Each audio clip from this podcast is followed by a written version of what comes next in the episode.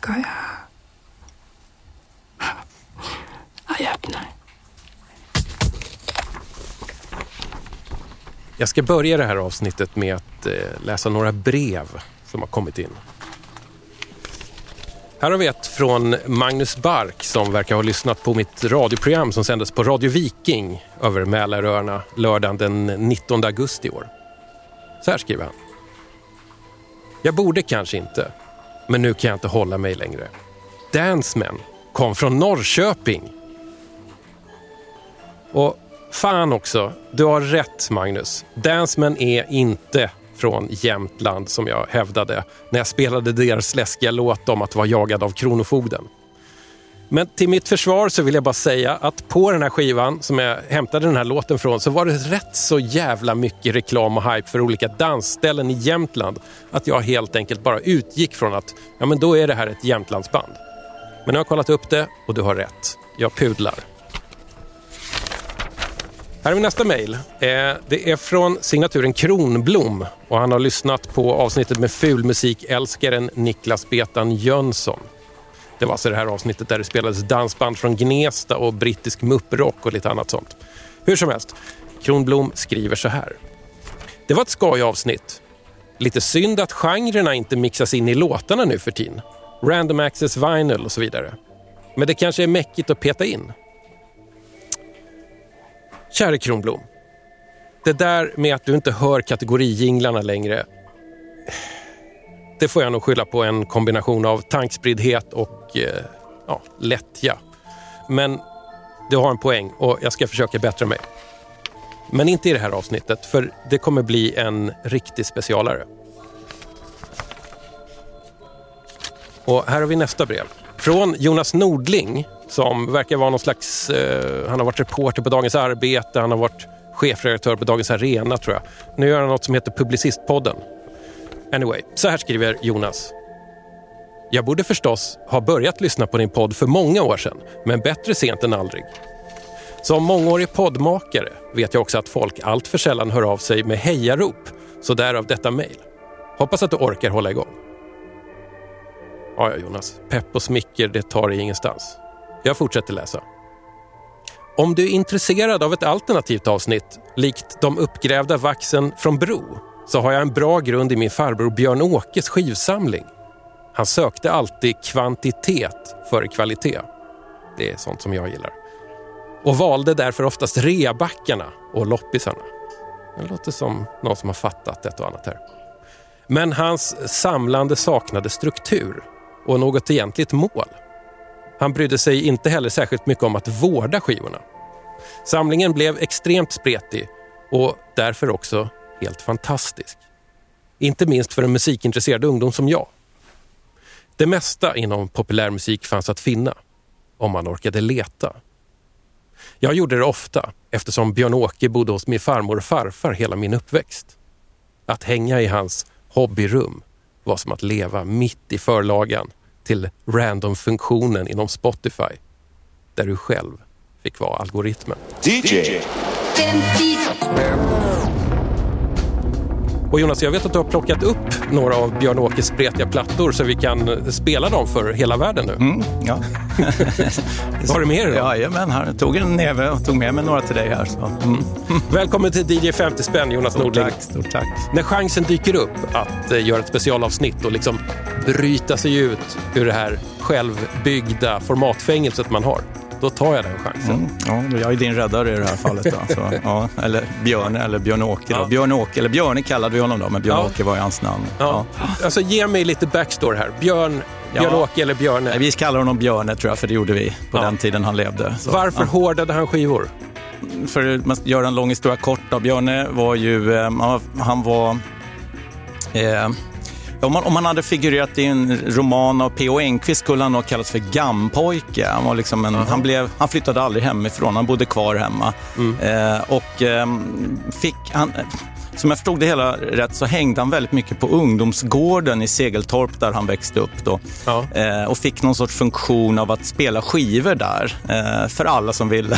Och det var både ungdomar men också gammeldansgänget. Så, att, eh, så det blev lite hans funktion att han var plattvändare. Han, han var en slags DJ och mood manager och liksom Ja. eh, musik... Mm, eh, Innan DJs fanns, för jag Ja. tror, att det här är min egen gissning, men att han sen konkurrerades ut med just att han var ingen som kunde mixa grejer, utan han Ja, ja. vände plattor. Men det gjorde också att han han skaffade sig väldigt många skivor i väldigt många genrer. Eh, Ja. och sen, så, ja, sen hade han dem där i sin eh, man cave, då, eller man ska säga. Han bodde ju kvar hemma hos min farmor och farfar. De hade ett bageri i Segeltorp, en stor villa där som eh, han kunde bre ut sig i. Han hade en hel del andra eh, projekt också. Så att, eh, mm.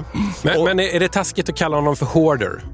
Ja, det kanske... Ja, nej, det tycker jag nog inte. Han var också... Alltså, min farfar var verkligen en hård. Man fick, eh, han samlade på isoleringsband och allting. Han kom från en verkligen fattig uppväxt där allting skulle sparas.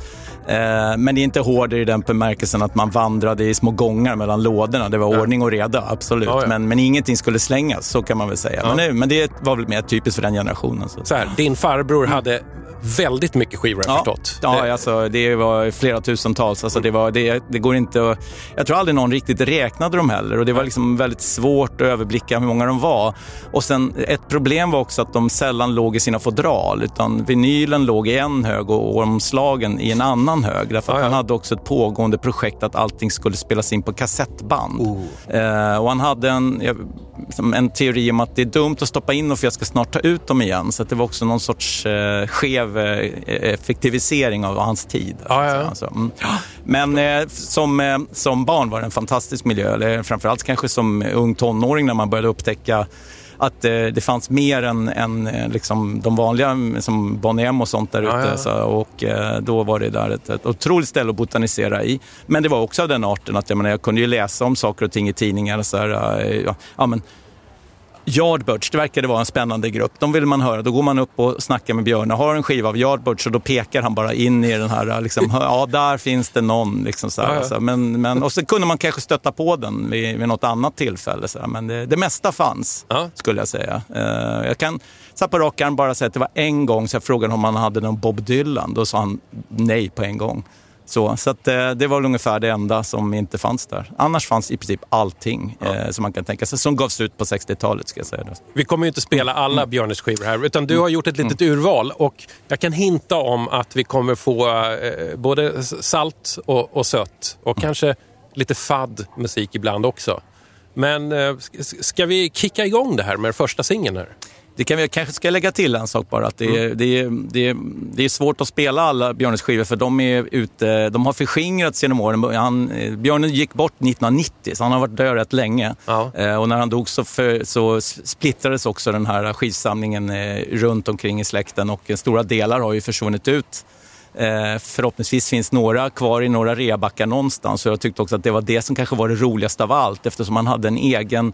Alltså han skrev ju sitt namn på alla skivor. Ah, och sen så skrev han också han satt, så- skrev små klisterlappar med sitt namn på Mm. som han satte på båda sidorna utav etiketterna Ja, på så både det- sina LP-skivor och sina EP-skivor. Så Liksom. att det är ordentligt uppmärkt. Ja, så jag skulle tänka mig att det, finns det några som älskar att, att, att gräva i loppisbackar så finns ju en viss chans att man har stött på någon skiva som det står Björn Nordling på. Så att, Eh, hittar ni en Björn Nordling-märkt skiva där ute när ni är ute och gräver så dra ett mejl till hej dj50spann.se.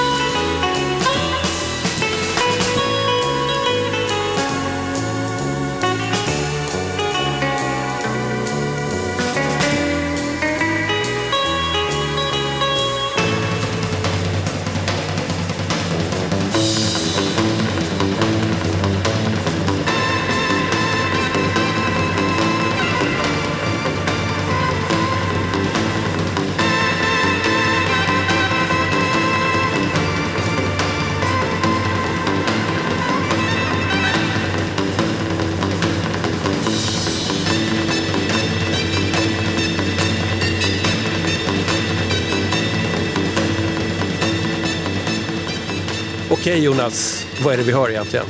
Ja, det här är ju då Persisk marknad och det är ett band som heter Royal Queensmen. Men eh, jag kan bara beskriva då, så man kanske lyssnar och fattar hur, hur det här urvalet har gått till. För det ja. finns ju då, min, min farsa han har då ett, ett närmare tusental skivor kvar utav Björnes samling, som ju då är en mindre del utav samlingen, men som står i några pappkassar ute i en bod. Eh, och jag plockade ut några av de där kassarna och stack ner alltså, och drog upp en, liksom en hög och så började jag, liksom, ja men de här kan ju vara roliga. Så skickade jag ju en bild på 30 så, omslag till dig. Ja. Så, och, men, men jag kan säga, den här tog jag med, det här var väl en av de få som jag visste vad det var. Ja, ja, de mesta andra mm. grejerna var jag lite mer nyfiken på att veta. Men, men Alltså ja. det här är ju mm. svensk surfrock. Ja, från Uppsala. Från Uppsala, ja, Sen vet man inte så mycket ja. mer om det här bandet. I alla fall har inte jag lyckats ta reda på så mycket mer. Men anledningen till att alltså, den här skivan passerade mig under den tiden jag hängde i Björnes eh, liksom, vindskupa med alla hans skivor. Men jag upptäckte den här uh, det var för att jag lyssnade på med vår gemensamma bekant Kalle Linds Snedtänkt. Han hade en intervju för några år sedan med hon Gunilla av Halmstad som ja, bland annat ja. hade strippat på mm. Kiviks marknad. Mm. Och hon berättade att det här ju var en av de tuffare låtarna hon hade agerat till. Eh, det var första gången jag hörde den i, och sen dess så... Var, var det den här versionen med ja, Royal det var den här version, också? det var den här Aha. versionen och mm. Eh, då, sen blev den Spotify, för den finns ju på Spotify också, så den blev en favorit där och sen så när jag hittade den i den här kassen häromdagen då när jag ja. skulle plocka fram, det blev det verkligen som en, ja, och då ser man ju de här killarna ser ut på den här bilden också. De ser ju inte riktigt så coola ut som de låter. Så att, eh, eller ser det det de gör. Så, det, alltså så här, den här singeln är från 60... Ja, början 60-talet. Tre ja, kanske, eller något ja. sånt där. Mm. Och de flesta banden var ju fortfarande väldigt korthåriga de hade kostym mm. och smal slips. Det var så man såg ut. Sen är det så här, The Royal Queens Men kanske också man ska förstå vad det syftar på. Men jag, den, den kopplingen Nej, jag, fattar nej, inte heller. Alltså, det, men, men vi vet, Persisk marknad är ju, det är ett klassiskt stycke från, eh, som, ja, det är ju en, en, en, från, ur en, vad heter han? Han heter... Edgar Elgar. Yes, exakt mm, så är det. Eh, och det är ju 1800-tal. Just den, det. Alltså. Mm. Ja.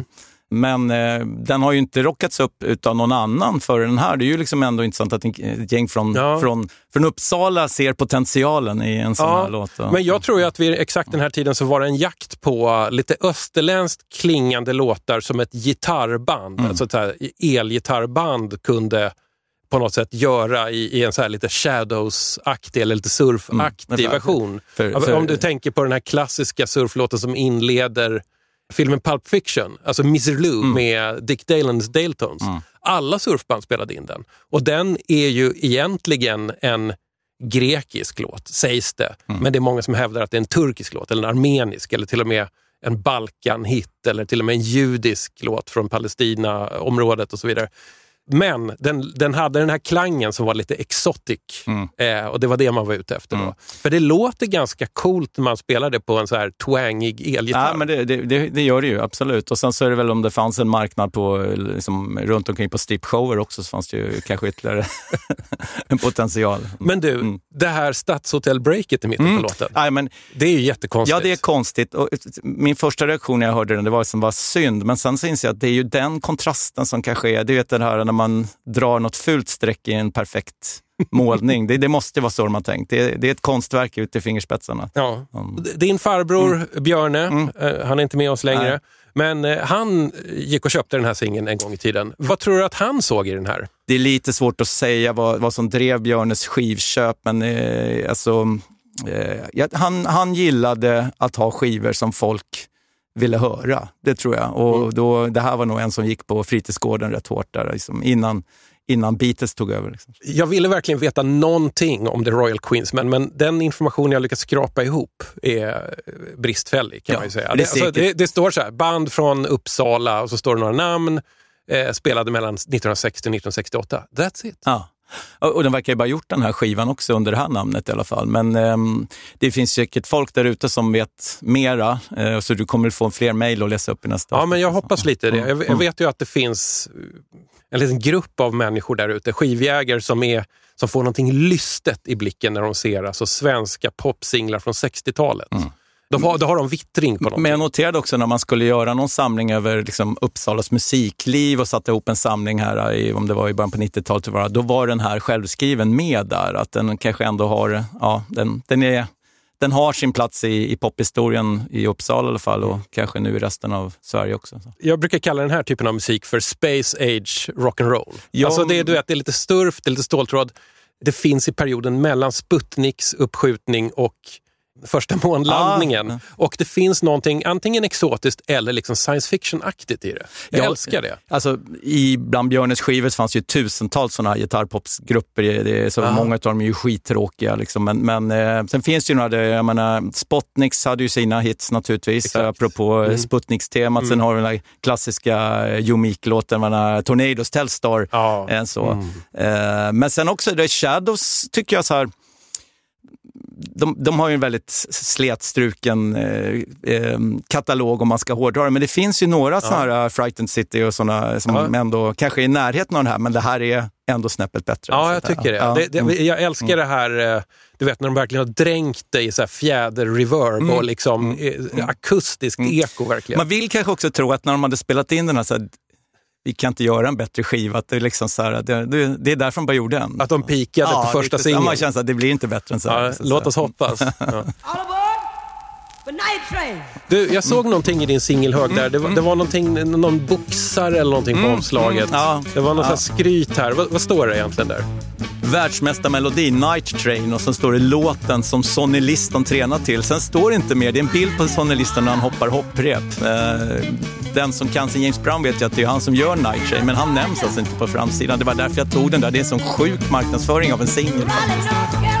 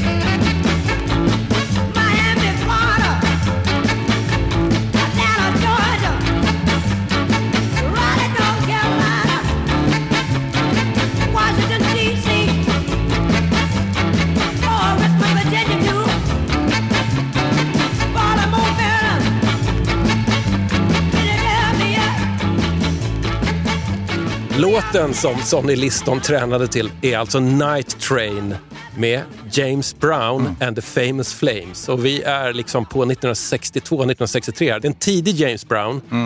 Musikstilen funk finns inte, men man kan ju ana att den är på väg ändå.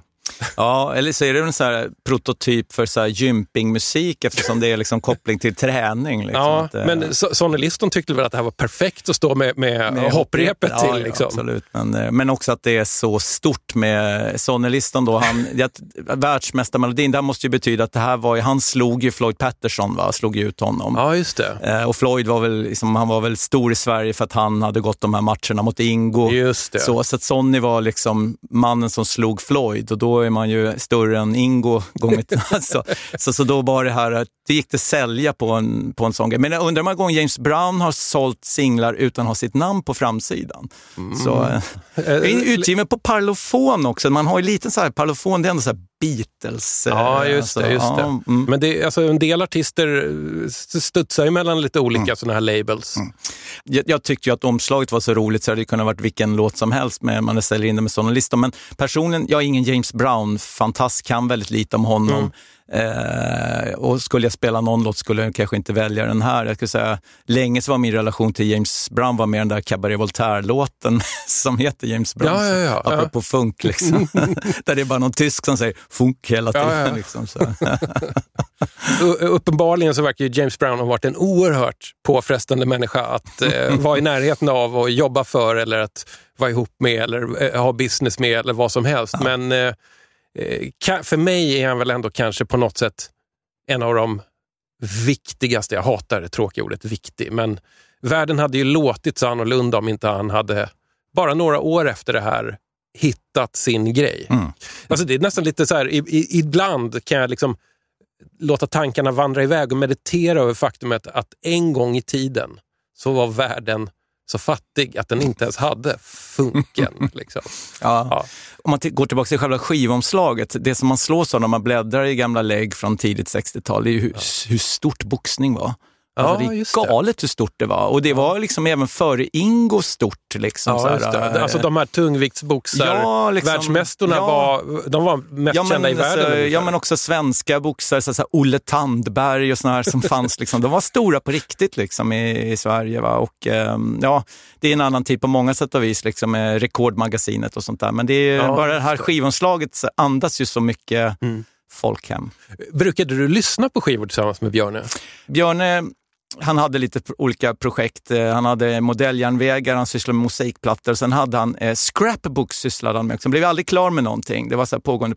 Och ibland så kunde man kombinera att eh, botanisera bland hans skivor samtidigt som han gjorde sina scrapbooks. Men oftast var det så att jag smet oftast upp på den här vindsvåningen medan han tvingades sitta kvar med någon tråkig middagsbjudning där det var liksom stora släkten där. Liksom. Så det var mera kanske att jag hade det som en ventil. Liksom. Ja, ja. Och Jag tror också att han, när jag var i hans skivgrotta så ville han kanske helst inte vara där så mycket för att han blev så stressad över att jag pillade på eh, hans... Ah, ja, så. Lite känsligt ändå. Lite så, så att säga. Men, eh, men däremot var han väldigt storsint. Jag kunde oftast plocka hem kassar med så här, kan jag hinna, kan jag ta hem de här och lyssna lite? Så, sen bara jag tog tillbaka dem igen naturligtvis. Ja, det var ju schysst. Mm, verkligen. Så. En del Jag- människor med mycket skivor är ju väldigt possessiva. Liksom. Ja, att de, de, de släpper inte kontrollen över skivorna. Nej, sen jag brukar tänka sig efter, alltså, jag hade kunnat stoppat ner i en flyttlåda och gått iväg, men han hade inte märkt att jag hade tagit några andra sidan, men man ska ju vara, man ska sköta sig. Liksom. Ja. ja, var, Björn var en otroligt snäll människa. Otroligt snäll människa. Det, jag, jag, det finns en, ett omslag här som jag tittar på nu som sätter lite griller i huvudet på mig. Mm. Kan, kan jag få den där som är gul och rosa på något sätt? Ja. fan är det här? Tosse Bark. Den är inte särskilt bra, men den kanske funkar med sitt budskap även idag om det är skrotpolkan vi sätter på.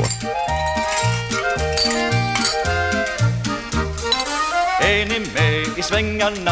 Har saftkalas på ängarna? Solar ni på stränderna? Kör ni hårt på vägarna? Förbi de vackra tegarna? Tänk på stackars ägarna när ni tar matsäcksstopp. Plocka upp, plocka upp buteljepapper som ni har Lämna aldrig något kvar Marken ska vara fin och var när ni hemåt far Vi försöker i små etapper Plocka rent till skrot och papper Aldrig lämna de vilda djuren Efter maten skrot naturen. Sommar och vinter, höst eller vår. Plocka upp, plocka upp, plocka upp när du går Hjälp till och inte skolka Var med nu i skrotets polka.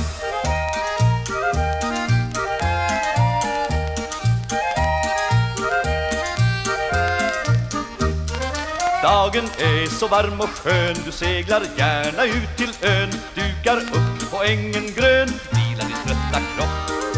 Korv på glass ur kassarna och bad och sol vid vassarna. Städa rent med tassarna, spänsta med själ och kropp.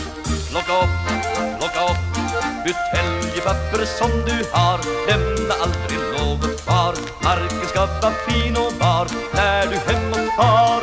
Vi försöker i små etapper Plocka rent på skrot och papper.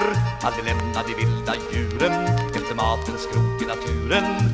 Sommar och vinter, höst eller vår Plocka upp, plocka upp, plocka upp. Där du går, hjälp till och inte skolka. Var med nu i skrotets polka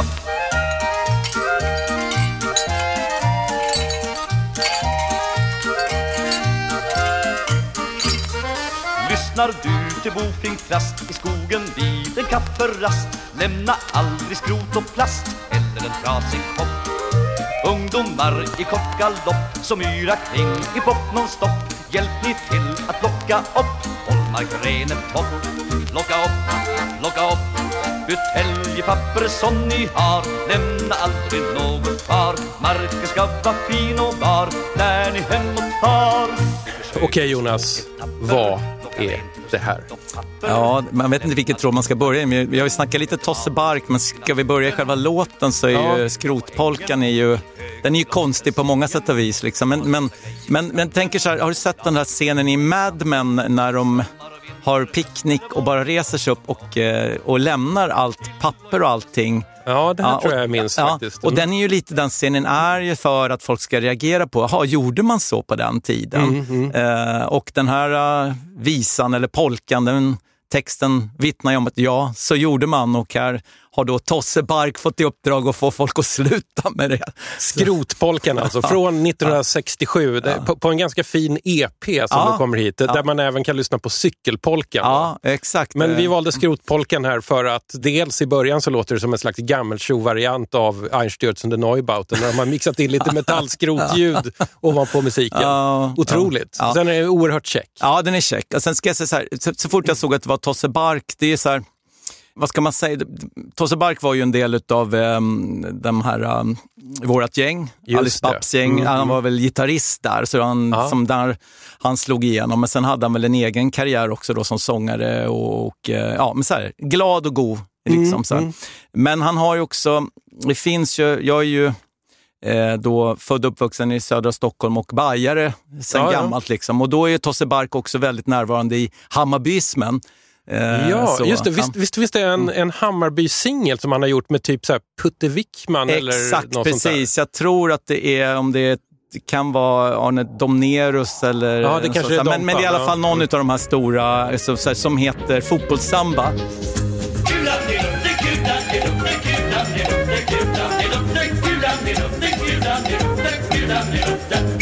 Fotbollssamba, Bajen samba.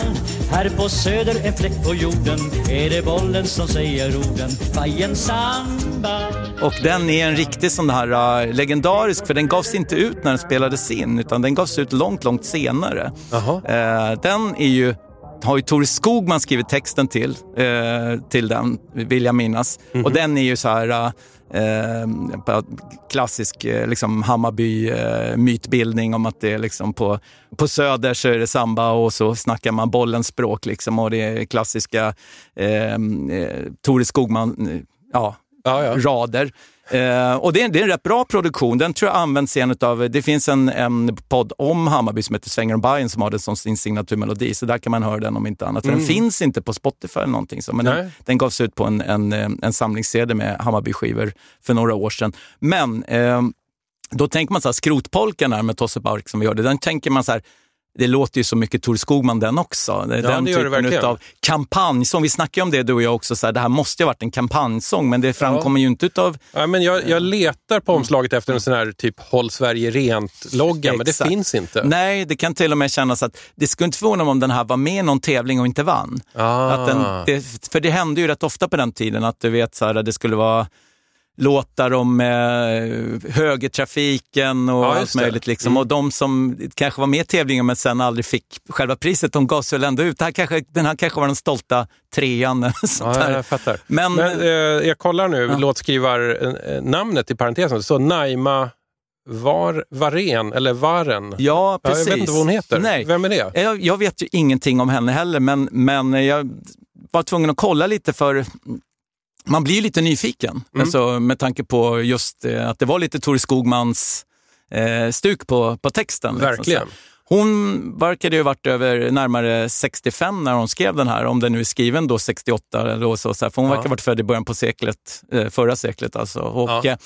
Eh, otroligt spännande eh, kvinna och hon verkar ha haft väldigt många efternamn. Aha. Eh, Jag tror att Varen eller Varen som, som eh, hon då har figurerar här under, det är hennes flicknamn. Mhm. Eh, när den här gavs ut så var hon gift med en eh, militär, tror jag, som flygmajor, något liknande, som hette Askan eller Askan.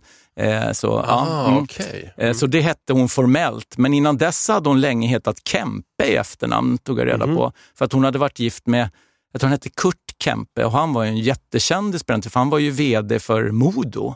Eh, det är därför det heter Kempehallen där uppe. De spelade Ja, hockey i många år innan de, ja, de har väl någon modernare arena nu för tiden. Mm. Liksom så här. Men så att hon var en, liksom en, en societetsfru under 30 och 40-talet. Och, Som, som skrev polkor. som skrev text till polkor om inte annat. Ja, liksom. Så att, eh, men, men det som hon också gjorde, och det här tyckte jag var det kanske det mest spännande, var att hon hade också en privat biograf i sitt hem på Östermalm, på Strandvägen där de bodde. What? Där de, så här, jag läste om det här i DN på 30-talet, att tydligen var det så att, att man tyckte att man hade lite coola semesterfilmer, då bjöd man in till offentlig visning i sitt vardagsrum. Och det gjorde de i den här då, familjen Kempe. Så man Ja. kunde gå och se hennes filmer. Men hon verkade varit lite just eh, artistiskt lagd, för hon sysslade liksom, det var inte bara att skriva text, utan hon sysslade med foto och film och ja, men hon verkar en, en spännande person. Och eh, det finns också en, någon typ av eh, eh, LP såg jag som är så här just eh, Naima Warens visor. Mhm. Eh, som eh, förvånar mig om du inte har den. Den borde dykt upp i någon... Aldrig sett Nej. tror jag. Och sen kände jag att det här är en, en kvinna faktiskt som eh, jag skulle vilja veta mer om. Så Ja. det är väl egentligen en shoutout till den som lyssnar och känner så här, den här kvinnan vet jag mer om vad ni säger just nu. Ja, Men ja. ge det till känna och skriv hela boken, för den tänker jag i alla fall köpa i så fall. Bra efterlysning där. Mm. Som sagt, det går alltid att dra ett mejl till hej dj50spann.se om ni sitter på viktiga upplysningar om till exempel Naima Varen, Mm. eller Varen, Mm. Eller Kempe. Eller, eller Kempe, Ja, eller Askan. ja precis.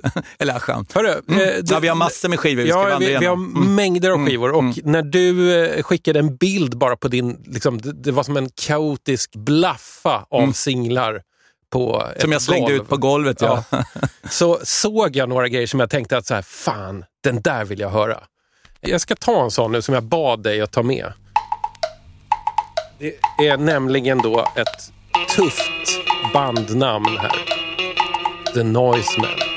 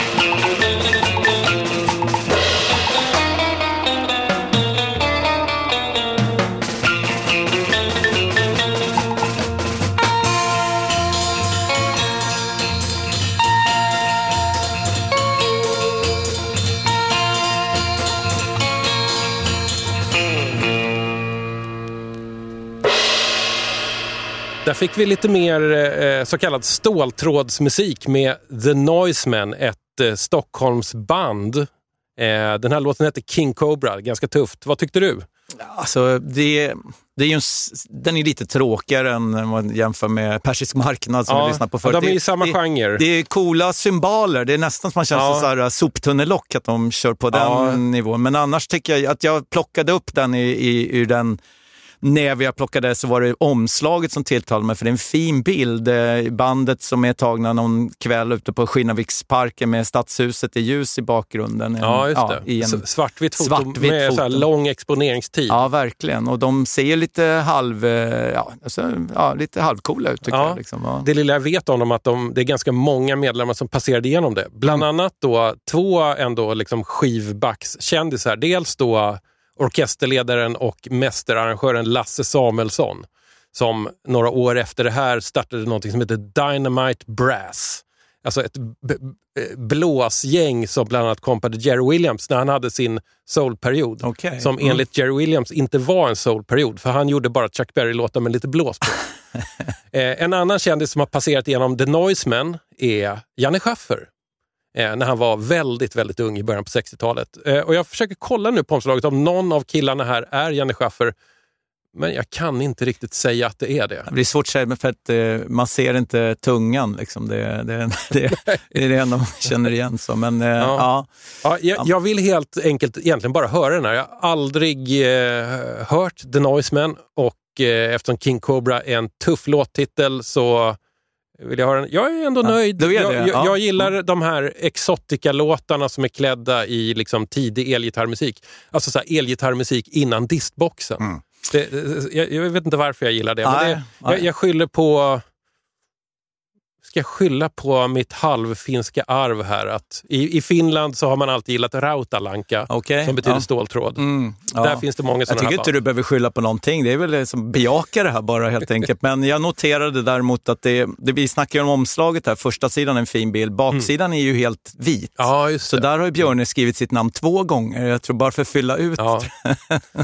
Här har han stylat sin äh, namnteckning också. Först står det Björn Nordling bara helt vanligt. Sen. Björn Nordling med ett liksom, eh, understrykning med ett fyllt tjockt streck Mm, här. ja. Mm. Men eh, vi snackar fortfarande kulspetspenna. så att det är liksom... Ja, jag måste säga det så här rent generellt om vi ska prata om värdet på de här skivorna då Ja. när Björne dog 1990, då var vi liksom Dels var vi vinylskivan inte så intressant i, liksom i, i det skedet, men de som då samlade på vinyl, de var ju absolut inte intresserade av skivor som var behandlade så som han Nej, hade behandlat dem. Mm. Men nu så här äh, 35 år senare så är det ju kanske just den här äh, patinan som gör Ja. dem intressanta. Liksom, att, ähm, Jag gillar ju det här när man får en story om var skivan har kommit från. Och så här mycket story om ett namn på en begagnad skiva har jag nog aldrig fått. Tror jag. nej, nej, varsågod. The Noiseman i alla fall, är helt enkelt. Jag, jag har inte Mm. kollat priserna på det där, men jag vet att generellt så är sån här tidig svensk 60-talspop är ju sånt som jagas där ute. Mm. Det, finns, det finns ju människor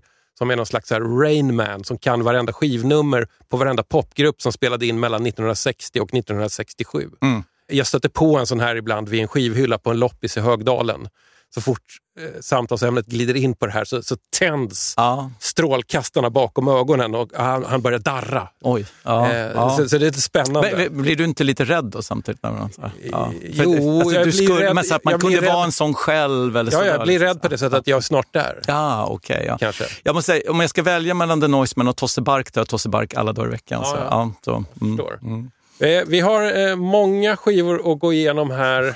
Det var någon här i högen som jag... Eh, ja, men här har vi någonting. Eh, ska, vi, ska vi öppna snuskdörren? Be my guest.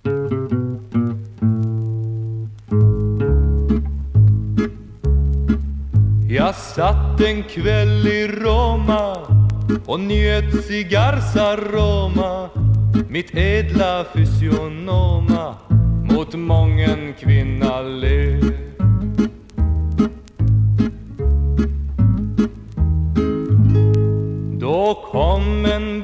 brallisita med former tres bonita och utan all invita var hennes bystament.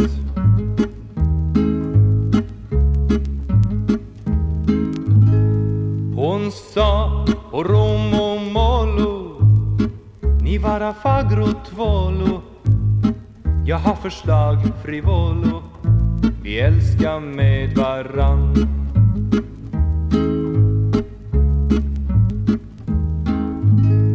Jag sade molto bene Vi gick bakom spaljene Där ingen kunde se ne Och gjorde täta tät.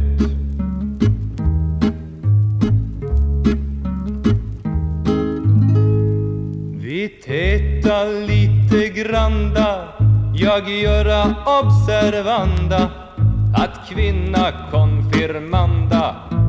Vara långt ifrån.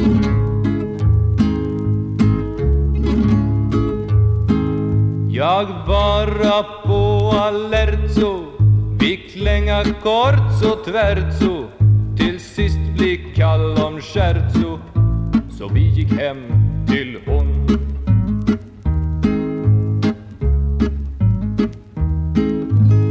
Jag kysste namn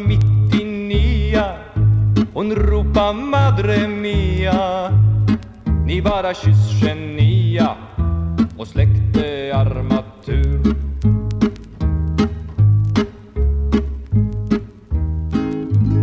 Då kom där en seniore som skrek i hög tenore Ni kan be fadre våre ty jag är hennes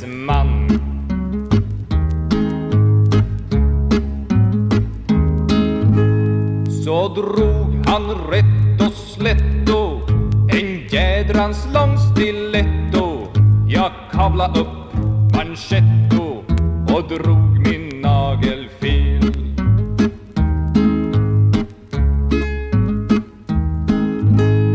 Så eventuello började duello i hans akter Castello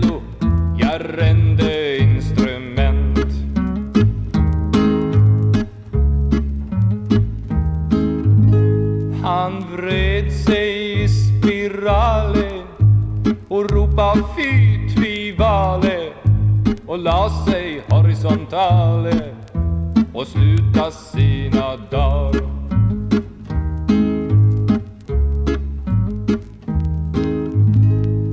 Nu ligger han i jordo Begravd av fattig fattigvordo Och jag blev fast för mordo.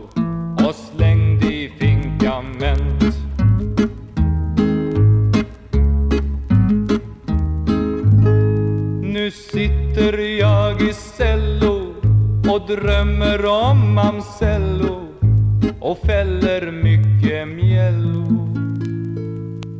Ty hon hörs aldrig av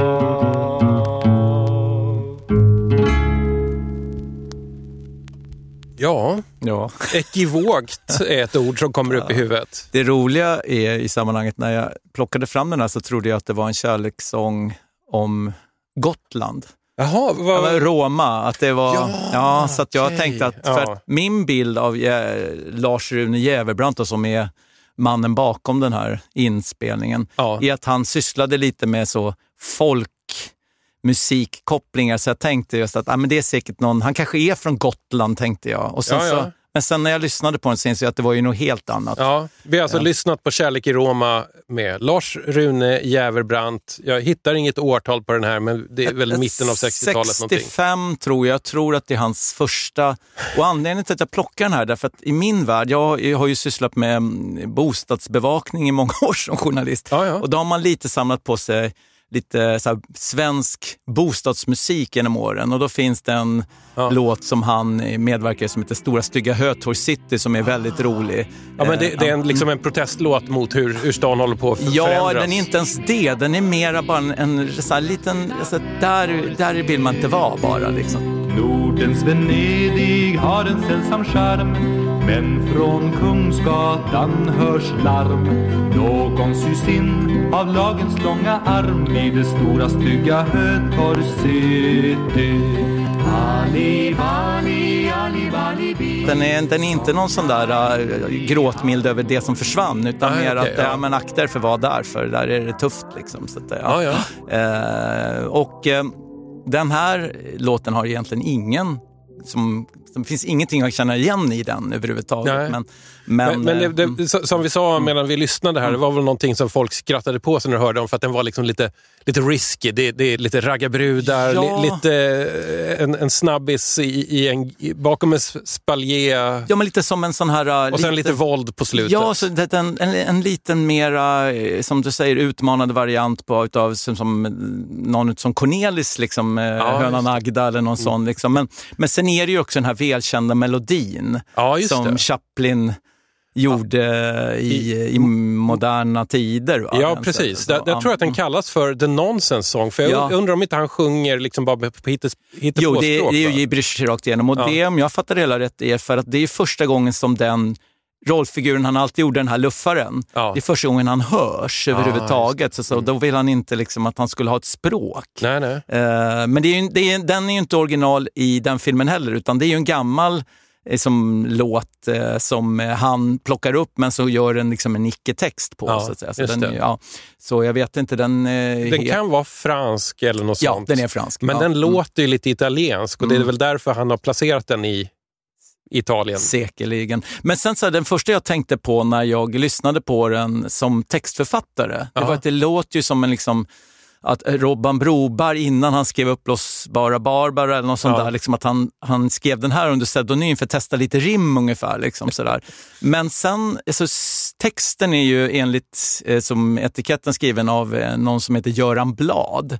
Mhm. Eh, och som jag förstår det hela rätt så Alltså Göran Blad finns inte, i alla fall inte. Den här textförfattaren är, det här är en pseudonym. Aha. Och, och enligt Svenskt visarkiv så kan Göran Blad vara Bernt Egeblad. Ja. You don't say. Ja, det, och- och- och det var lite så- otippat. Ja, men jag vill Mm. också verkligen säga den här researchen, så säga, jag tar inte ansvar för att peka ut Bernt Egeblad, utan jag bara noterar att, att där Svenskt visarkiv säger att han använde den här pseudonymen Ah, ja. och antyder att det kan vara han som har skrivit den här texten. Ja, men fast Eh, varför inte? Varför inte? Men då blir det också, som min bild av Bernt Egeblad, nej, men han hade ju många strängar på sin lyra och gjorde ju eh, jättespännande grejer bara något år efter med Doris och sådana saker. Ja, liksom här. Men för oss som har vuxit upp på 80-talet så är han ju ändå den här, han som Två- satt med flygen Ja, och, och, flyger. Ja, och var lite mysig. Liksom, så att, eh, ja, så. Men eh, Lars-Rune Jäverbrandt var ju också med i Country 4. Just det. Ja, det, det är väl det avtrycket han egentligen har gjort i musikhistorien, Ja, att han var med i Country 4, ja. som inte riktigt är ett countryband utan var snarare så här folkpopband alla Ja, Hootenanny Singers. Ja, eller liksom någon så här, uh, hybrid mellan Hootenanny Singers och Family Four på något sätt. Ja. Liksom så här. De gjorde rätt, alltså, jag ska inte säga att jag kan hela deras katalog, men jag vet att de gjorde en habil variant av den här Woody Guthrie This is your land Ja, på svenska. Så, Mm. så den brukar jag lyssna på ibland i alla fall. Precis. Ja. Men han var, var, Pierre Isaksson var ju med i, i Country 4 också, det är väl det de är mest kända för kanske. Så Ja. Och att de eh, var väl skapade av den här skivbolagsmannen eh, eh, Bokvist, eh, Per-Anders Bokvist, va? som eh, hade pseudonymen Patrik. Mm. Och eh, Var, var det han, för att det startades ett skivbolag där eh, som hette Amigo? yes, det är Ja, han och hans bror han. vill jag Mm. minnas. I alla fall hade de samma efternamn så att säga, som hade det. Och eh, han eh, kommer vi komma tillbaka till i en senare skiva också. Så att, eh, Jaså jag droppar den lite Mm, här. Så. bra Mm, trailer där. mm, Cliffhanger. Ja. Eh, Ja, och när, vi, när vi pratar om Per-Anders Bokvist, då, signaturen Mm. Patrik, så ska vi väl också nämna, så att inte den som lyssnar tror att vi inte vet det, att han ju är naturligtvis mannen som skrev Sådan i kapitalismen, som ju Ah. Fredrik Åkerström gjorde då Ja, klassisk. Så att säga. Mm. En- Han har ju en skrivit många, många låt. låtar. Ja, ja. Men, Så, men det är väl mm. kanske den som, som, jag menar, den snurrar igång i huvudet här. Ja, ja, ja, men Stora stygga Hötorg City tycker jag är kanske bättre. Den är också hans. Ja, ja. Du, eh, vi har ju varit inne på lite, vad ska vi kalla det, exotiska klanger här. Den här exotica-vibben finns i nästa singel, tror jag. Vågar vi spela den här? Ja, det tycker jag. Vi, vi är på den nu. Eh, Kommer vi vidga någon slags åsiktskorridor, tror du?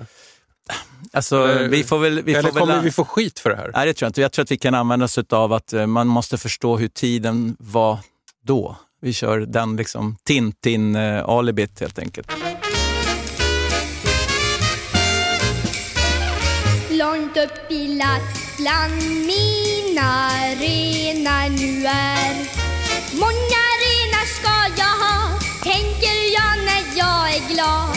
Alltid för dem jag sjunger där.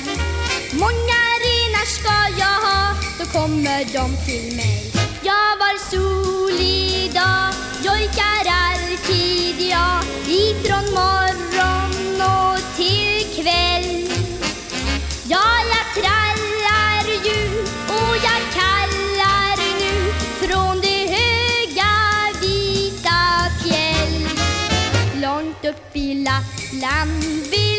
jag bo alla år.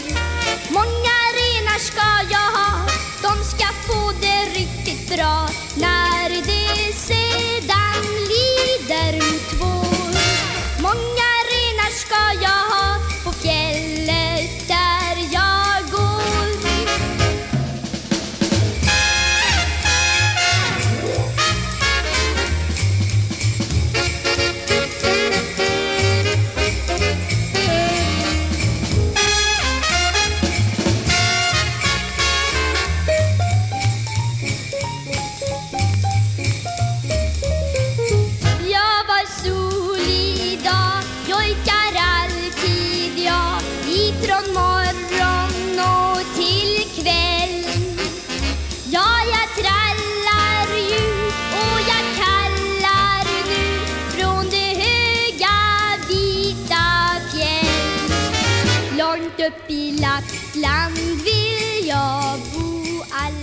Laila Munter, Många renar ska jag ha. Utgiven på skivbolaget Joker. Det hör man inte så mycket om nu för tiden. Nej. Den här hittade du i Björnes gamla plattor. Ja, och det var faktiskt ju um, en av de få skivorna som låg tillsammans med en utav samma artist bredvid. För hon kom ju, det här är alltså uppföljaren till hennes genombrott Tusen förbud som kom något år innan. Då hade hon varit åtta år, jag tror hon är tio när hon spelade in den här. Ja, ja. Vi spekulerar lite du och jag om hon hade någon eh, samisk bakgrund som Ja, gav henne möjlighet. För vi ska säga på omslaget så har hon ju en fullskrud. Ja, det har hon. Ja. Och sen så står det också i skryttexten på baksidan av det här ganska påkostade omslaget Mm. att hon har uppträtt på någon slags barn-Eurovision i Italien 1962 i samisk dräkt. Och vi vet att hon är från Norrland någonstans, Ja, Laila Munter. Ångermanland verkar hon vara ifrån. Eh, ja. Men däremot så har vi inte riktigt lyckats eh, komma fram till om, om hon var eh, av samisk härkomst eller inte. Så det får vi låta ligga där. Men det är ändå lite intressant hur hårt de drar på det Ja, jag tänker att kanske eh, man, kan, man skulle nog inte komma undan med den här eh, låten, ens om man hade samiskt ursprung, så som den är Nej, konstruerad och, Nej. och skriven. Så att, eh, så, men vi kan väl, som du sa, eh, som, det, Sverige-exotica kan vi kalla det. så kan vi lugnt säga. Och vi förstår att de kanske valde det spåret när de skulle då få slå igenom på den här eh, festivalen i Italien. Hur ska vi skilja oss från England? Ja, vi skickar ner Mm. henne i, i samedräkt. Mm. Eh, sen kan jag tänka mig att de måste nog också i så fall kanske ha haft något översättningsblad, för jag tvivlar att juryn i Italien förstod texten i alla fall. Så att de hade ju kunnat sjungit något kanske mera ja, P- Ja. PK. Liksom. Ja, just det. eh, Ja, just det. Sen, sen ska man inte glömma att också, bara något år innan det här så var ju då den rockande samen stor i Sverige. Han hette väl Sven-Gösta Jonsson, va? Han gav ut en EP som heter Jokkmokk Mm. Rock. Rock stavas med R-O-K-K. Såklart. För att passa ihop med Jokkmokk Rock. Där då hitten finns, Vid foten av fjället, som alltså är en Eh, lite så här eh, Norrlands och same-exotisk försvenskning av Johnny and the Hurricanes instrumentalare Red River Rock. Som funkade svensk rock'n'roll i början Exakt, 60-talet. och, och just det, det samiska fanns ju där, det men sen har ju Jokkmokks Jokke som liksom drog i, Ja. liksom, även om de musikaliskt var långt ifrån varandra så hade han ju också liksom den utstyrseln med sig. Liksom, Japp. sådär. Men, ja. Ja. men anledningen till att jag valde att vi ändå spela den här, är inte så mycket egentligen låten och Laila Munter, även om hon är spännande och intressant, eh, utan vem som skrev texten Mhm. till Många renar ska jag ha, för det är Lisbeth Stahl.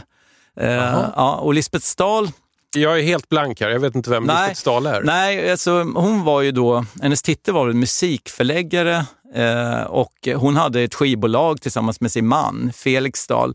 Det är det bolaget som sen eh, ligger till grund för Polar. Eh, de sålde det till, ehm, vad heter det, Stickan. Stickan, Andersson. Ja, precis. Sen vet jag inte om det är det här eh, Joker som är det bolaget, det törs jag inte svara på. Men anledningen till att jag som tittat lite på Lisbeth Stahl, eller Elisabeth Stahl som hon hette då, hon var från Värmland.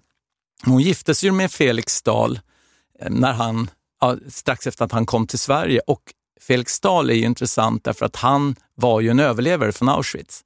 Eh, och det gör ju att den här eh, texten får en annan botten om man ska hårdra det också. Ja, ja, men ja. men eh, vi, vi kanske inte ska öppna det spåret och, och liksom mer bara konstatera att Felix Stahl, han var ju då en överlevare från Auschwitz där han också hade ingått i det här då ökända kapellet som spelade sig liksom eh, levande igenom. Att de Ja, liksom, ja, så så att det finns ju mycket historia kring det paret Ja. eh, och här har då... Och eh, otippad koppling till den här låten. Verkligen. Sen ska vi gå tillbaka till Laila Munter, så man har, hennes karriär, den, alltså i slutet av 60-talet så ebbade den väl ut. Jag har inte sett så mycket spår av henne liksom efter Nej. det, men jag fattar det som att hon i början av 70-talet blir ett par med just Per-Anders Bokvist som jag nämnde här förut med Lars-Rune Jävebrant. Han var betydligt äldre än henne, men om jag förstår det hela rätt så blev de ett par och faktiskt har barn ihop. Eller så. Jaha. Och Laila Munter gick bort för bara några år sedan. Faktiskt. Ja. Mm.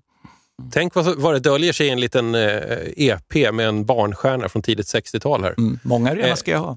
Jag, jag tror aldrig jag har hört talas om Laila Munter. Det är så här, ibland känns det som att det är ju... eh, Just från barnstjärnor så sopas spåren igen ibland. Om de inte kan hålla liv i karriären in i vuxen ålder så glöms de bort totalt. Så är det. Och, ha, glöms, och finns de kvar i något minne så är det oftast någon hit. Och det här var ju som sagt uppföljaren. Och apropå uppföljare, nu håll- håller du en uppföljare där i handen som vi Ja. kanske ska göra en sån brygga. Ja, men det, vi kör, vi kör eh, uppföljare efter uppföljare här. Ja, Den här exakt. blir man ju lite sugen på.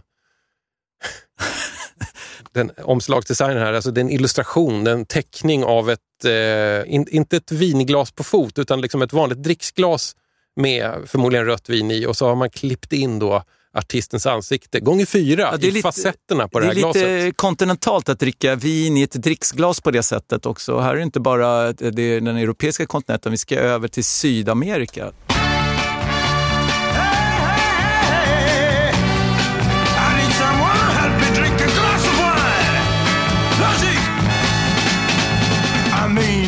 Cuenten penas, ni me hablen de sufrimientos.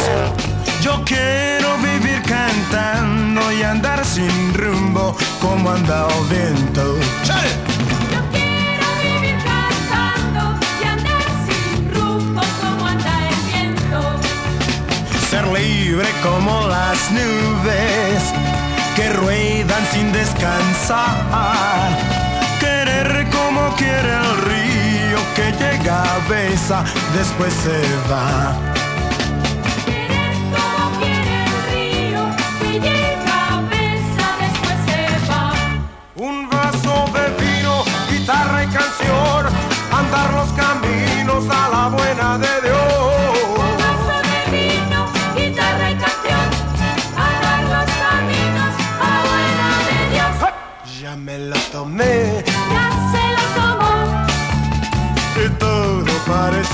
distinto, solo lo probé solo lo probó, y el mundo parece mejor. Hey, cámara, a mí no me cuenten penas, ni me hablen de sufrimientos. Yo quiero como el marino vivir andando de puerto en puerto. ¡Chale! Yo quiero como el marino vivir vaso de vino, guitarra y canción, andar los caminos a la buena de Dios. Vaso de vino, guitarra y canción, andar los caminos a la buena de Dios. ¡Ja! Ya me lo tomé. Ya se lo tomó, y todo parece distinto. Solo lo probé solo lo probó, y el mundo parece parece mejor. mejor.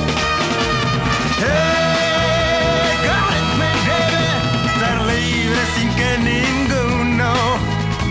imponga una condición. Igual que la golondrina que en el invierno busca calor. ¡Chore!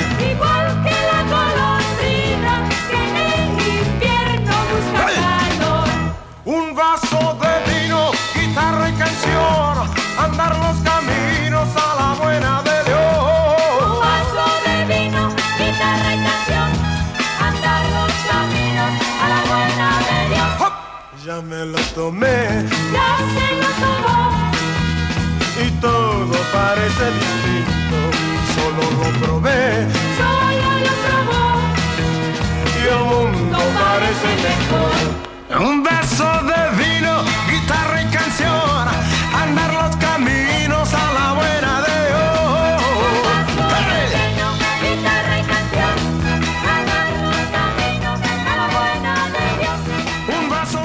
Jävlar, alltså den här, eh, det var som att få eh, en raket eh, uppkörd någonstans, nästan höll jag på att säga.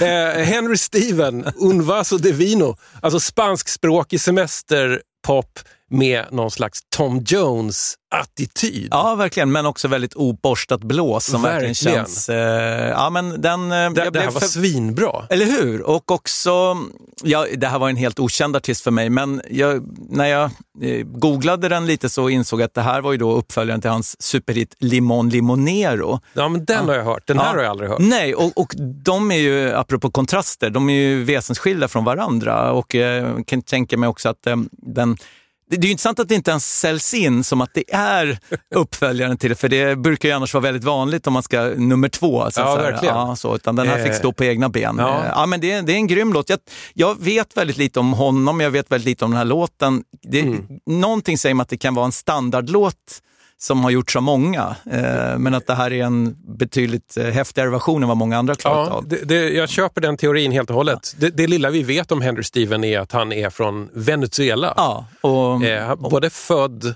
och eh, dog i Venezuela. ja, och verkar ju ha varit superstor där, framförallt eh, verkar han ha haft eh, tv-shower och varit eh, ja, liksom en, en man som syntes i rutan Ja. Ända fram tills han gick bort i, i covid här för något år sedan. så Ja, att, ja. Covid tog honom också. Ja, så har jag uppfattat det som i alla fall. Att det är så. Och, ja. ja, men den här finns ju faktiskt till och med på Spotify så många kan njuta av den. Men Ja. ja. ja, en grym. Det här är som när man blir riktigt glad när, när den här, Ja. eh, apropå eh, temat för sången, den här, den har åldrats som ett årgångsvin. Ja, verkligen. Mm, Fast jag misstänker att han sjunger om ett väldigt anspråkslöst, enkelt husets vin någonstans. Alltså, min spanska är väldigt dålig, men det känns som att den kanske är lite... Den, det verkar ju vara man nästan har något behov av att dricka och det kanske är apropå låttexter som inte funkar längre. Liksom.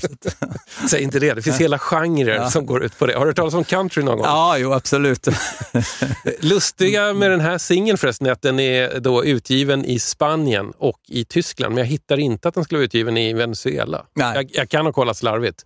Men jag misstänker att han kanske lyckades ha en liten europeisk karriär gåendes ett tag i alla fall, medan han fortfarande var stor i Venezuela. Ja, men det känns ju som att den här var superstor i Benidorm 69 eller när den kom. Liksom. Så Ja, att, det, ja, så- det tror jag också. Spansk semesterpop, det är faktiskt fina grejer, Mm. vill, vill jag hävda. Har vi någonting mer vi borde tillägga om Henry Steven? Nej, Vi däremot- vet ju så, som sagt ganska lite om, om honom. Vi vet Eh, och det är det som är roligt med den här skivhögen som de har kommit med. Ja, och det är väl lite så liksom hela, man ska säga, mitt förhållande till Björnes skivor har varit hela tiden. Att det har varit eh, som att, eh, ja, men som jag skrev i brevet också, ha den här liksom, eh, sökfunktionen, i, eller rätt den här slumpfunktionen i Spotify. Att Ja. det var lite så här, eh, man fick botanisera själv. Liksom, Och mitt i de mest konstiga skivorna så fanns det en hel del liksom, mycket bra saker också. Liksom. Men jag kan ju ibland också tänka, för att det här är då, det är en sån liten, liten del av alla hans tusentals skivor. Så att, eh, och jag hoppas ju verkligen att en stor del av de där finns fortfarande ute och hitta i skivbackar runt omkring. Men jag vet att en släkting som sålde en stor del av den delen av samlingen som han ärvde då. Eh, han berättade att till den lokala skivhandlaren där han visserligen kunde kränga alla tusentals plattor han hade, men att den skivhandlaren var mest intresserad av boxarna som skivorna låg i. För han hade såna här snygga samlar, såna här väskor man kunde bära dem i. Ja, Liksom, men, sådär, menar du så. spisarboxar? Exakt, precis. Och det var ju, han hade ju flera hundra sådana vet du, också, så här, för han skulle kunna ha skivorna i någonting. Liksom, så att, Ja, ja, ja. ja Mm. så, mm. Hörru du, du har ju tagit med en eh, bunt här och det fanns en singel här som jag blev lite... Ja, jag blev lite eh, nyfiken på den. Aldrig hört nämligen. Har någon gång anat att det här kan vara ganska häftig garagerock. Ska vi ta den på en spin? Och för att snurra till det lite så är det garagerock på Simon Brems gamla skivlabel Karusell. På blå vinyl. Hey, hey, little girl, when I meet you on the beach,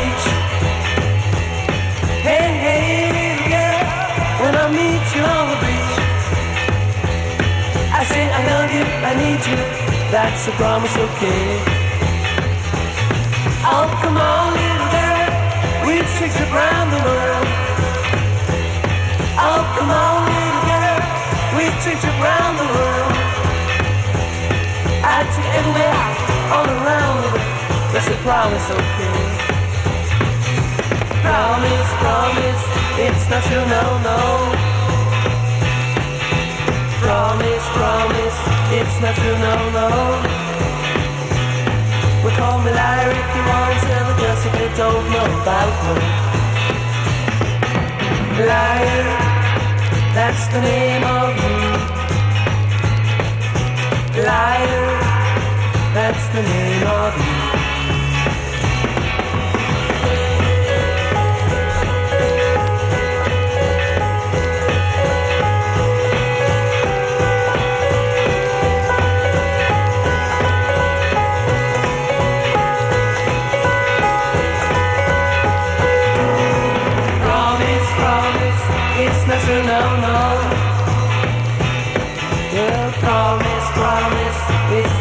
No, no.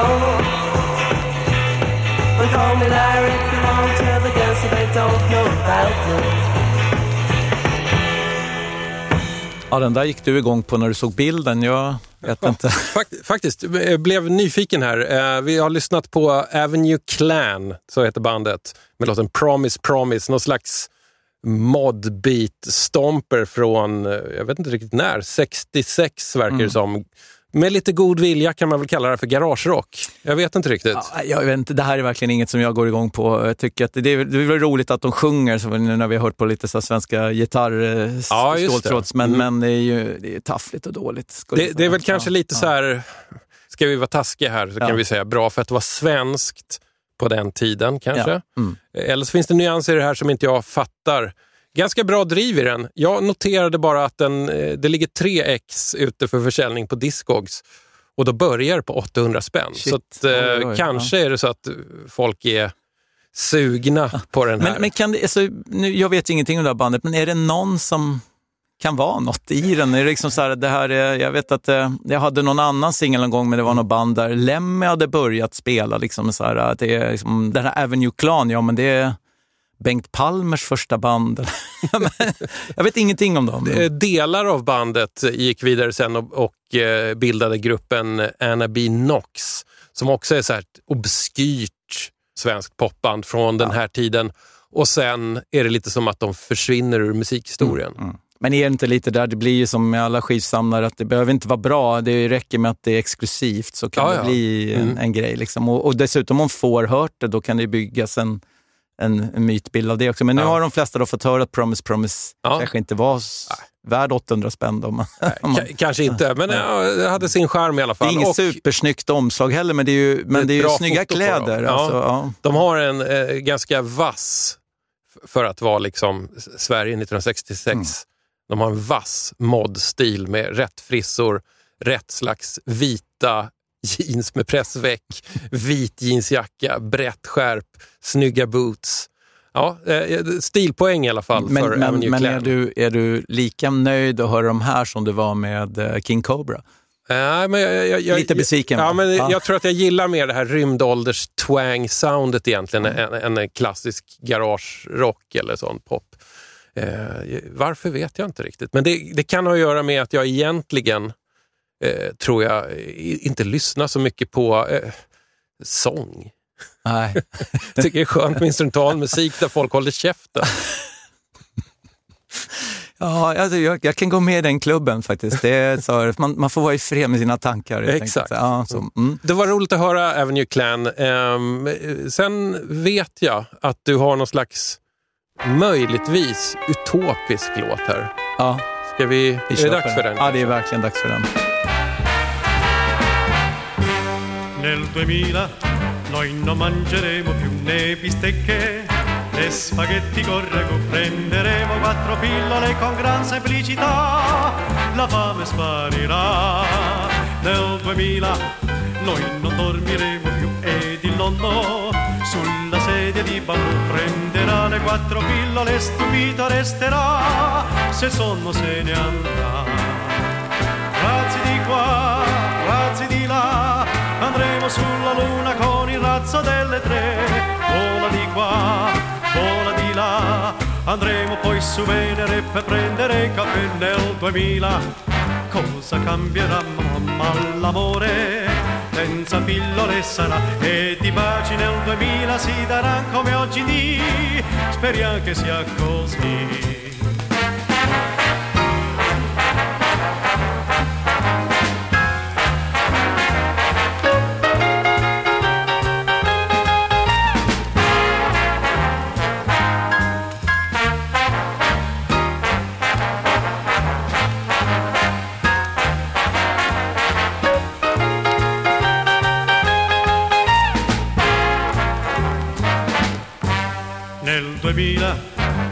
mangeremo più né bistecche né spaghetti con ragù. Prenderemo quattro pillole con gran semplicità. La fame sparirà. Nel 2000 noi non dormiremo più. Ed il nonno sulla sedia di vapore prenderà le quattro pillole stupito resterà se sonno se ne andrà. Razzi di qua, razzi di là, andremo sulla luna con il razzo delle tre. Vola di qua, vola di là, andremo poi su Venere per prendere caffè nel 2000. Ogni cosa cambierà, ma l'amore ogni cosa ti dirà e nei baci nel 2000 si darà come oggi di. Speriamo che sia così speriamo che sia così. Jaha. Ja. Carlos Miranda med Nel Due Mille. Ska jag läsa vad det står på Ja, omslaget? gör det, här? för jag tror att då kanske man Ja. förstår vad den handlar om. Carlos Miranda, italiensk storsångare. Och då står det så här om låten. Nel Due Milla betyder år 2000 och skildrar livet detta år. Ingen spaghetti, blott några tabletter till mat. Man tar halv tre-raketen till månen och dricker kanske kaffe på Venus halv fyra. Men Carlos hoppas dock att kärleken evigt förblir sig lik. Ja. man kan undra sig varför man spelar den här. Det är rätt tafflig låt, en rätt trist, men eh, då ska man veta att eh, just den här låten finns i en betydligt häftigare version med en artist som heter Bruno Martino som också var italienare. Mm. Den kom 59, jag tror den här är några år senare.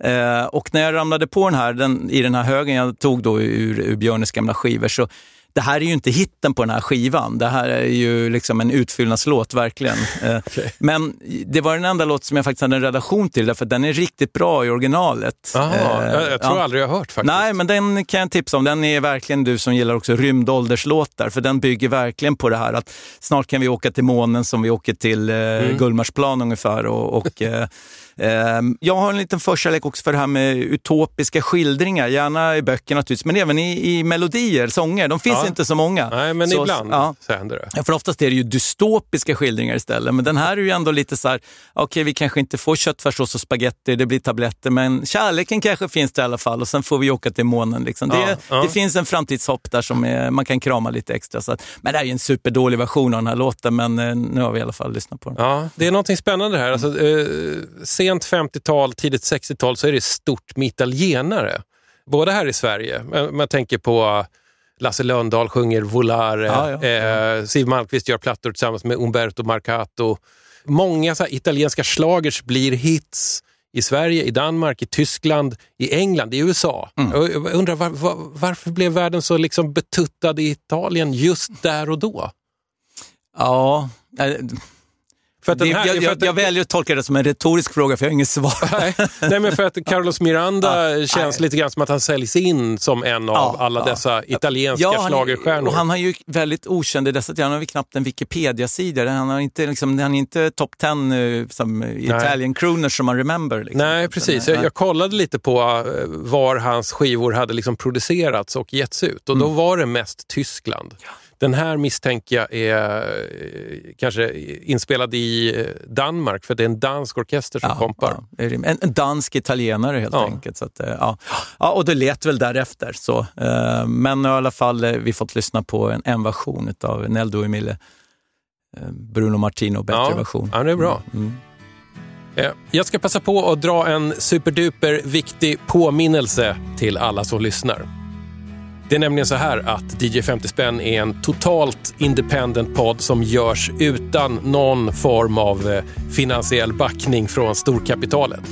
Det ni hör här det sätts ihop av mig på ledig tid och eh, det finns saker i den här verksamheten som ändå kostar pengar. Vi snackar musiklicenser, dyra elräkningar, hyra för studio, etc. etc, etc. Jag ska inte tråka ut er. Men här kommer det viktiga. Om du tycker att det är viktigt att det finns en oberoende musikpodd som DJ 50 spänn i universum, då kan du stötta den genom att gå med i min Patreon. Leta upp DJ 50 spänn på patreon.com och välj ett litet belopp som du sponsrar podden med varje månad. Och om du skickar mig ett direktmeddelande på Patreon med din postadress så kommer jag skicka ett roligt litet papppyssel som heter My Little Loppisback. Nu fortsätter vi. Vi, vi börjar nå botten av din skivhög här. Mm. Ja, ja, Eh. det, jag, i princip, jag lyssnar på dem jag ville lyssna på, men du hade en låt du ville lyssna Gud, på. alltså, jag blev så... jag, jag vet inte, så här. Har, har du ett förhållande till den hemskt klassiska och vanliga 10 kronors vinyl LPn Jerry Lee Lewis live at Star Club Hamburg? Alltså, jag, jag trodde inte jag hade det, men så nämnde du dess existens och då googlade jag upp hur den såg ut och då insåg jag att den där stod ju i vårt hem. Eh, och jag minns att jag tyckte inte den var särskilt bra. Ja. Men det är också så här, ja, det var ju inte originalversionerna, det var ju live-versioner. Ja, Eh, och, och jag var på, alltså så här, med, med den unge mannens som, eh, som naiva öron så kunde inte jag riktigt ta in att det lät bara som sämre versioner. Liksom. Så. Men, ja, ja. Men, men du får visa mig att jag Ja. hade fel. Nej, men vi ska inte lyssna på Jerry Lee Lewis här. Däremot, det ganska juniora kompbandet som fick då äran, eller jag vet inte, de kanske var livrädda när de lirade bakom Jerry Lee Lewis. Kompbandet på den här ytterst brutala liveplattan Live at Star Club Hamburg eh, har du på en singel här. De heter The Nashville Teens. Jag visste ingenting om dem. Du, Eh. du kände igen det på en gång. Så. Ja, vi, vi får se hur de låter för jag har ju bara hört dem backa Kom- upp kompa the killer, liksom. mördaren. Ja, Liksom. ja. Men vi får se hur de låter på egen hand. Det här kan ju bli ett stort fail. Jag har aldrig hört den här låten.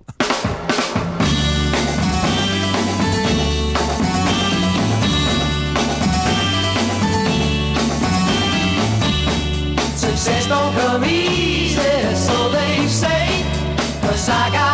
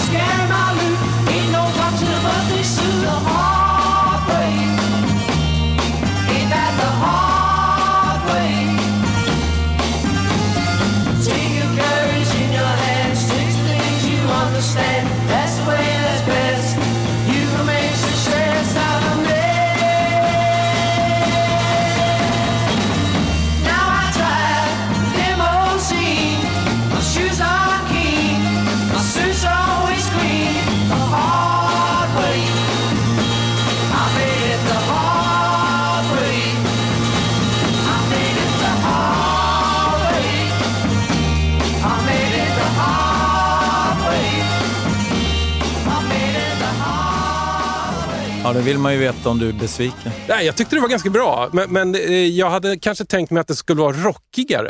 Jag har ju bara hört The Nashville Teens på eh, den ökända, den beryktade, den legendariska liveplattan med Jerry Lewis som är så hård och de spelar så brutalt.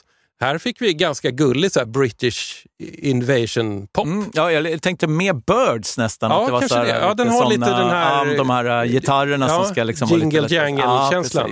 Ja. Verkligen. Eh, The Hard Way hette låten. Den låg i din farbrors skivhög Ja. helt enkelt. Vi måste ju ändå också säga att den har en sån där skön eh, grej på baksidan. Ja. Att man kan klippa loss och lägga den i jukeboxen. Just Så att, det. Ja. Ja. Eh, Eh, ja, speciellt. Jag vet inte jättemycket om eh, The Nashville Teens för att de, de har ju liksom lite grann gått till rockhistorien bara för att de råkade bli Jerry Lee Lewis kompband på en liveplatta som smälldes ihop lite i all hast. Ja. Jag tycker att hypen håller runt den skivan. Eh, man ska lyssna på den på mördande volym och eh, förundras över att pianot överlever sån galen misshandel Ja. som det gör. Mm. Men The Nashville Teens kanske egentligen var ett sånt här band. Men du, eh, hu- nu, nu är ju jag som eh, skivhårder, i likhet med din farbror kanske, Mm. eh, väldigt nyfiken. Hur mycket finns det kvar av hans eh, Alltså, plattor? det som jag då plockade fram här nu, det, det var väl en... Det finns en fyra, fem pappkassar med såna här uh, sju tummer då, då, med Mm. mest EP-skivor som jag tog de här nävarna ur. Så det är ju en liten del av den stora samlingen. Det mesta är ju Mm. spritt och för vinden på ett eller annat sätt. Jag har, ska jag säga i ärlighetens namn, några av hans skivor kvar i min samling också, Mm. men det var ju framförallt kanske, han hade en eh, en, en period på 70-talet. Då började han is- istället för att köpa singlar så köpte han samlingsskivor av olika slag. Liksom, Ah, och eh, verkade ha gått all in på alla samlingsskivor på svenska 78-varvare som gavs ut under 70-talet. Så, De, de, ja. de här, eh, det var bättre förr Ja, och såna och alla Sonora sång- boxen ja, och sånt där. absolut. Ja. Och Karl Gerhard och Ernst Rolf och Sara Leander och Ulla Billqvist. Alla såna LP-skivor där Ja, man förde upp sig. Så, ja, så, och, ehm, så de har jag liksom ändå lagt beslag på. Alltså. Men det mesta har ju då försvunnit ut. Och jag, jag minns att en större del av hans LP-samling var riktigt vad ska man säga, jobbig, så liksom mycket dansband, eh, samlingsskivor av udda karaktär, som mycket gammeltjo var också. Bröderna Lindqvist, Ja. det var mycket sådana grejer. Liksom så här, så att, eh, Ja. Men det gör ju också att många av de där skivorna, de kanske inte ens har nått loppisbackarna, men det fanns också en enorm massa sjutummare med eh, framförallt eh, brittiska popband och, Mm. och sådana saker som, eh, ja, jag, jag minns dem men sen har jag inte sett dem på 35 år. Så, att, eh, så att jag, det vore ju kul om någon som lyssnar på det här, är någon som sitter på en skiva där det faktiskt står Björn Nordling, så det vore ju kul att, att i så fall få det bekräftat. Ja. Mm. Du har ju be- beskrivit att du ibland kunde knata upp till hans skivrum Mm. och bläddra runt där. Mm. Hur, eh, hur skulle du säga att hans eh, skivor har påverkat dig och din musiksmak? Alltså, det var ju en ynnest, om man ska vara lite högtalande, att eh, bara få ha tillgång till så mycket musik Mm. eh, i en tid, jag, menar, jag har ju vuxit upp på 70-talet, då man kanske inte ändå hade tillgång till musik. Man var tvungen att köpa den för att höra den. Ja. Jag vet att biblioteket i Skogås där jag växte upp, de hade inga skivor alls. Eh, så eh, så det var ju också väldigt svårt att höra musik som man läste om. Mm. Eh, och eh, det är klart att när man då ville sätta sig in i musikhistorien så var det ju fantastiskt att kunna då på det här sättet botanisera. Men det var ju också jobbigt eftersom Mm. Man visste inte riktigt om, alltså, om jag ville höra på Manfred Mann Mm. så visste jag inte vad de var. Nej, utan man ja, fick det. liksom så ett väldigt öppet sinne. Eh, och jag kan ibland så också sakna, det är väl framförallt Alltså det finns ju skivor som jag slängde på och lyssnade på som jag kan fortfarande idag känna så här första gången jag hörde dem, hur jävla glad man blev. Ja, men så, så här, Kana Kapila med The Cousins exempelvis. Exempel. Det är en sån som jag fortfarande kan minnas första gången jag hörde den. Bara därför att jag fängslades av omslaget. Liksom. Ja. så, ja, ja. Men det var mycket konstiga grejer också. Jag vet inte riktigt vad, vad du själv liksom lyssnar på. S- Säg att det är fredag, klockan är halv sex, du har avslutat en arbetsvecka. Du har pliktlyssnat på tråkiga poddar om bostadspolitik. Du har jagat folk som inte vill svara på dina skitjobbiga frågor. Etc, etc. Men nu är det fredag, nu börjar helgen. Vad lägger du på för 10 kronors vinylmässig 10 kronors. platta då? Ja. eh, Eller du får välja något dyrare ja, också nej, såklart. men, eh, Jag tror att större delen av min skivsamling är jag den här, eh, många som lyssnar har säkert varit på skivbörsen vid Sankt Eriksbron, så jag, Mm. en stor del av min skivsamling är införskaffad i rummet till vänster. Ja, ja. Alltså, där, där, där man inte ens fick innerfickor till skivorna. Liksom, så här. Men, men, eh, nej, men vad ska man dra till mig i den genren? Lite, så här. Ja, ja, men en skiva som jag faktiskt kommer tillbaka till lite då, då som faktiskt är inköpt för en sån där 10 kronors, det är eh, den franska mm, gruppen Moderne. Ja. De, de har jag ingen koll på alls. Nej, eh, men det får du googla fram. De finns på Spotify också. Jag kan känna att eh, hela deras första skiva med Rock'n'Roll Star exempelvis gör mig fortfarande lite glad. Och det är en sån där, den hittar man bara på 10 kronors backarna. n'est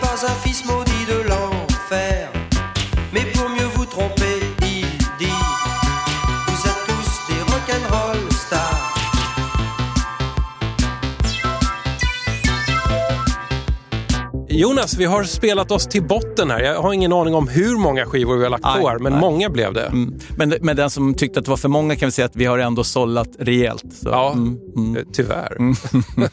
Jonas Nordling, tack för att du konkade skivkassen ända hit. Ja, stort tack för att jag fick vara med och eh, framförallt kul att kunna få mm, sprida lite mm, kunskap kring min farbrors skivor. Det var ju någonting med den här spretigheten som du beskrev som var lite befriande. Att vi kunde få både någon slags här rymdig ståltråd, lite same-exotica, lite eh, utopiskt italienskt. Vi, vi lyckades täcka in så mycket här. Jag kan berätta en rolig anekdot också. Som jag berättade så hade ju Björne det här projektet att alla hans skivor skulle spelas in på kassettband. Vilket ju innebar att han efterlämnade också tusentals kassettband. Eh, och eh, då i, under 90-talet så var ju fortfarande kassettband lite intressanta. Och speciellt för då mig som var i början av min journalistiska karriär. Eh, för då hade man ju fortfarande en kassettbandspelare och spelade in alla intervjuer. Så du har alltså spelat över det han... Ja, alltså det jag såg framför mig var att jag kunde spara in väldigt mycket pengar genom att använda de här kassettbanden och spela in mina intervjuer. Så, ja. ja, ja. Men jag minns just apropå du, de här människorna som inte vill svara på mina tuffa frågor. Men jag minns också då vid ett tillfälle när jag skulle spela in en väldigt tuff intervju med en fastighetsägare som verkligen var en, en bov på många sätt och vis. Ja, Det var en tuff intervju. Så, och det första som händer när jag sätter på, så missar jag att trycka in rec utan det blir bara play. Och upp spelar typ eh, Gnesta-Kalle eller något sånt där. Och det tar lite så här, man är inte så mycket skjutjärnsjournalist efter det. Jag tycker att det låter som en jättebra psykningsmanöver i och för sig. Jag var inte tillräckligt eh, rutinerad för att kunna tänka så långt. Jag blev bara stressad. Nej Jonas, vet du vad? Eh, vi- vi, snackade lite om Nashville Teens. Eh, Det var en fin låt vi spelade med dem, men, eh, som Gud, eller djävulen, vill att de ska låta, hör vi här. Nu, nu, nu drar vi på högsta volym här och så kör vi live at the Star Club Hamburg med Jerry Lee Lewis featuring the Nashville Teens. Det finns ju många att välja här, men, men om, vi, om vi ska gå efter pianomisshandel så tycker jag nog att vi ska ta High School Confidential. Håll i er. Better open up, honey, get your lover boy me that's knocking. You better listen to me, sugar roller, cat the red, the high school the rockin'. Honey, get your bobbin shoes, for the jukebox blows a few. Got everybody hopping, everybody bopping